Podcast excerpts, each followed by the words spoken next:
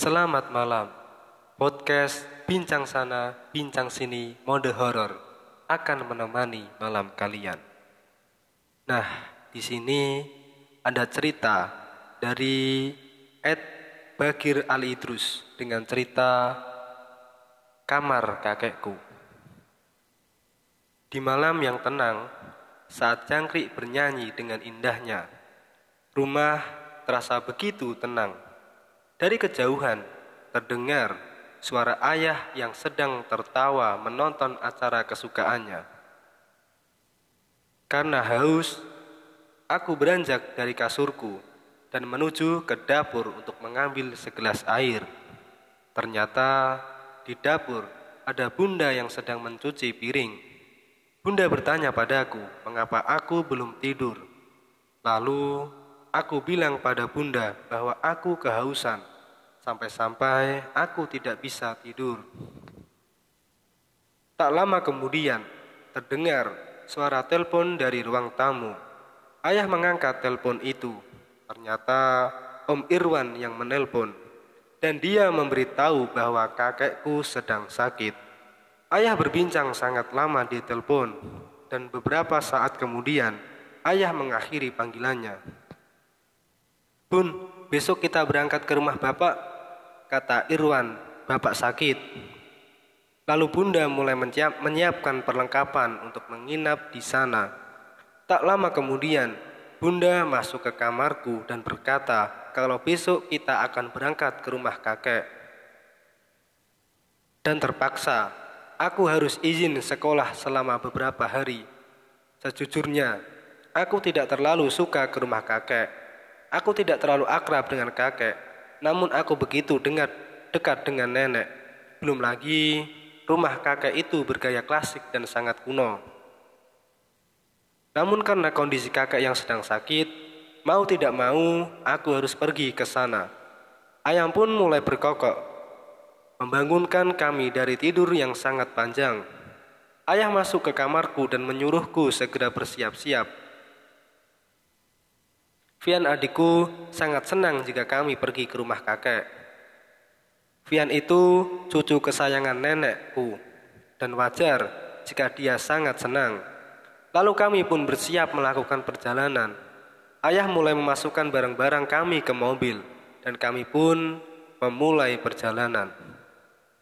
Perjalanan kami tidak terlalu jauh. Dua jam kemudian kami pun sampai di rumah kakek kami disambut dengan nenek yang datang dengan penuh kebahagiaan. Ya, nenek menciumi cucunya dengan sangat senang.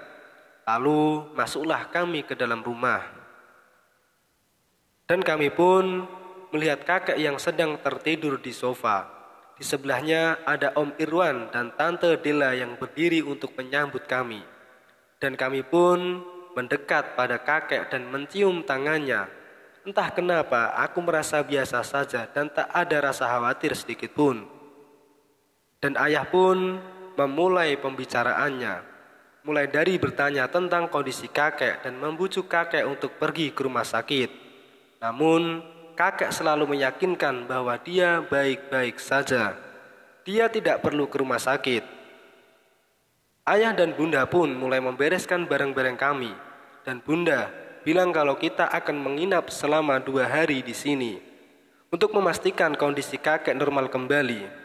Senja pun tiba, aku selalu duduk di luar rumah saat di rumah kakek karena aku tidak suka bau ruangan di dalam. Baunya seperti barang kuno dan membuatku tidak nyaman jika berlama di dalam. Dan malam hari tiba, saat di mana aku merasakan kejenuhan yang luar biasa. Aku terus berdiam diri di kamar dan tak lama nenek memanggilku untuk makan malam. Berkumpullah kami di meja makan dengan kakek yang wajahnya sangat lelah. Duduklah aku di sebelah kakek dan aku merasa canggung karena aku tidak terlalu dekat dengan kakek. Lalu aku beranikan diri untuk bertanya sesuatu pada kakek. Kakek udah enak kan? Tanya aku. Tiap hari juga kakek enak kan? Jawabnya. Dan aku pun merasa senang karena kakek menjawabku. Lalu selesai makan, kami berkumpul di ruang tamu dan kakek begitu tenang tidur di sofa. Lalu aku pun memutuskan untuk pergi ke kamar karena aku mulai mengantuk. Tak lama kemudian, aku pun tertidur karena aku merasa sangat lelah dan bosan. Teng, teng, teng, bunyi jam menunjukkan pukul 12. Aku pun terbangun karena jam jam yang sangat berisik itu. Dan jam itu adalah hal yang paling aku benci di rumah kakek. Karena setiap aku menginap di sini, jam itu selalu membangunkanku di tengah malam. Aku pun sulit untuk kembali tidur Sayup-sayup terdengar suara ayah dan kakek sedang membicarakan sesuatu. Dari obrolan itu, aku mendengar kakek dari obrolan itu, aku mendengar bahwa kakek menitipkan nenek pada ayah jika kakek sudah tidak abadi di dunia.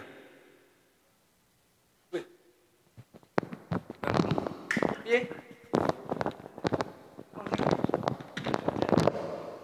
Lanjut toh. TP langsung. Ora WA WA sih mau. Iya bu. Selamat malam semuanya. Berjumpa lagi di podcast Bincang Sana, Bincang Sini, mode horor siap menemani malam kalian. Kali ini saya akan ngebacakan tweet dari Bagir Ala Idrus tentang kamar kakek. Di malam yang tenang, saat jangkrik bernyanyi dengan indahnya, rumah terasa begitu tenang. Dari kejauhan terdengar suara ayah yang sedang tertawa menonton acara kesukaannya. Karena haus, aku beranjak dari kasurku dan menuju ke dapur untuk mengambil segelas air. Ternyata di dapur ada bunda yang sedang mencuci piring. Bunda bertanya padaku, mengapa aku belum tidur? Lalu aku bilang bahwa aku kehausan, sampai-sampai aku tidak bisa tidur. Tak lama kemudian, terdengar suara telepon dari ruang tamu. Ayah mengangkat telepon itu. Ternyata Om Irwan yang menelpon. Dan dia memberitahu bahwa kakekku sedang sakit. Ayah berbincang sangat lama di telepon. Dan beberapa saat kemudian ayah mengakhiri panggilannya. Bun, besok kita berangkat ke rumah bapak. Kata Irwan, bapak sakit. Lalu bunda mulai menyiapkan perlengkapan untuk menginap di sana. Tak lama kemudian bunda masuk ke kamarku dan berkata, kalau besok kita akan berangkat ke rumah kakek. Dan terpaksa aku harus izin sekolah selama beberapa hari. Sejujurnya, aku tidak terlalu suka ke rumah kakek. Aku tidak terlalu akrab dengan kakek, namun aku begitu dekat dengan nenek. Belum lagi, rumah kakek itu bergaya klasik dan sangat kuno. Namun, karena kondisi kakek sedang sakit, mau tidak mau aku harus pergi ke sana. Ayam pun mulai berkokok, membangunkan kami dari tidur yang sangat panjang. Ayah masuk ke kamarku dan menyuruhku segera bersiap-siap. Vian adikku sangat senang jika kami pergi ke rumah kakek. Vian itu cucu kesayangan nenekku dan wajar jika dia sangat senang. Lalu kami pun bersiap melakukan perjalanan. Ayah mulai memasukkan barang-barang kami ke mobil dan kami pun memulai perjalanan. Perjalanan kami tidak terlalu jauh Dua jam kemudian kami pun sampai di rumah kakek. Kami disambut dengan nenek yang datang dengan penuh kebahagiaan. Nenek menciumi cucunya dengan sangat senangnya. Lalu masuklah kami ke dalam rumah. Dan kami pun melihat kakek yang sedang tertidur di sofa. Di sebelahnya ada Om Irwan dan Tante Dela yang berdiri untuk menyambut kami. Dan kami pun mendekat pada kakek dan mencium tangannya.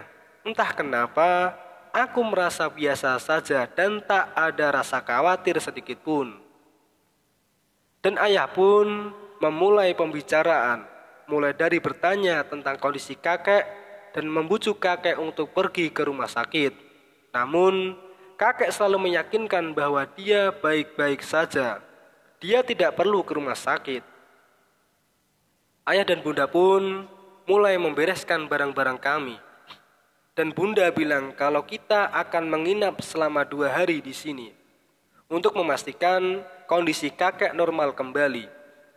Senja pun tiba. Aku selalu duduk di luar rumah saat di rumah kakek karena aku tidak suka bau ruangan di dalam. Baunya seperti barang kuno dan membuatku tidak nyaman jika berlama di dalam. Dan malam hari pun tiba, saat di mana aku merasakan kejenuhan yang luar biasa.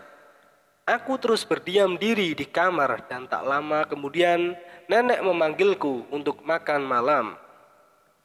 Berkumpullah kami di meja makan dengan kakek yang wajahnya sangat lelah. Duduklah aku di sebelah kakek dan aku merasa canggung karena tidak terlalu dekat dengan kakek. Lalu aku beranikan diri untuk bertanya sesuatu pada kakek.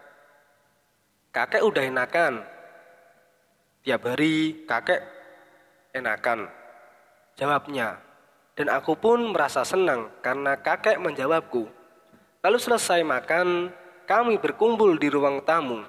Dan kakek begitu tenang tidur di sofa Lalu aku pun memutuskan untuk pergi ke kamar karena aku mulai mengantuk.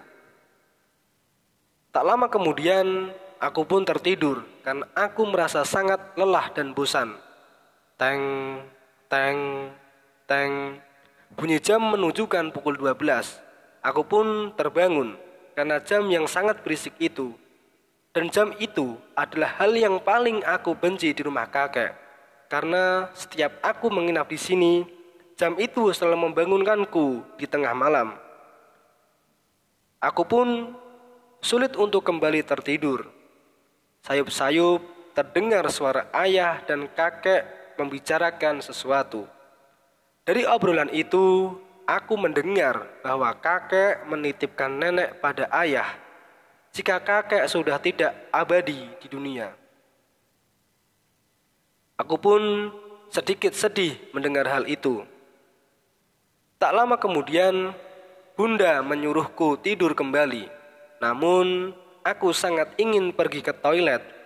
Akhirnya, aku pun pergi ke toilet agar tak terganggu saat aku melanjutkan tidurku.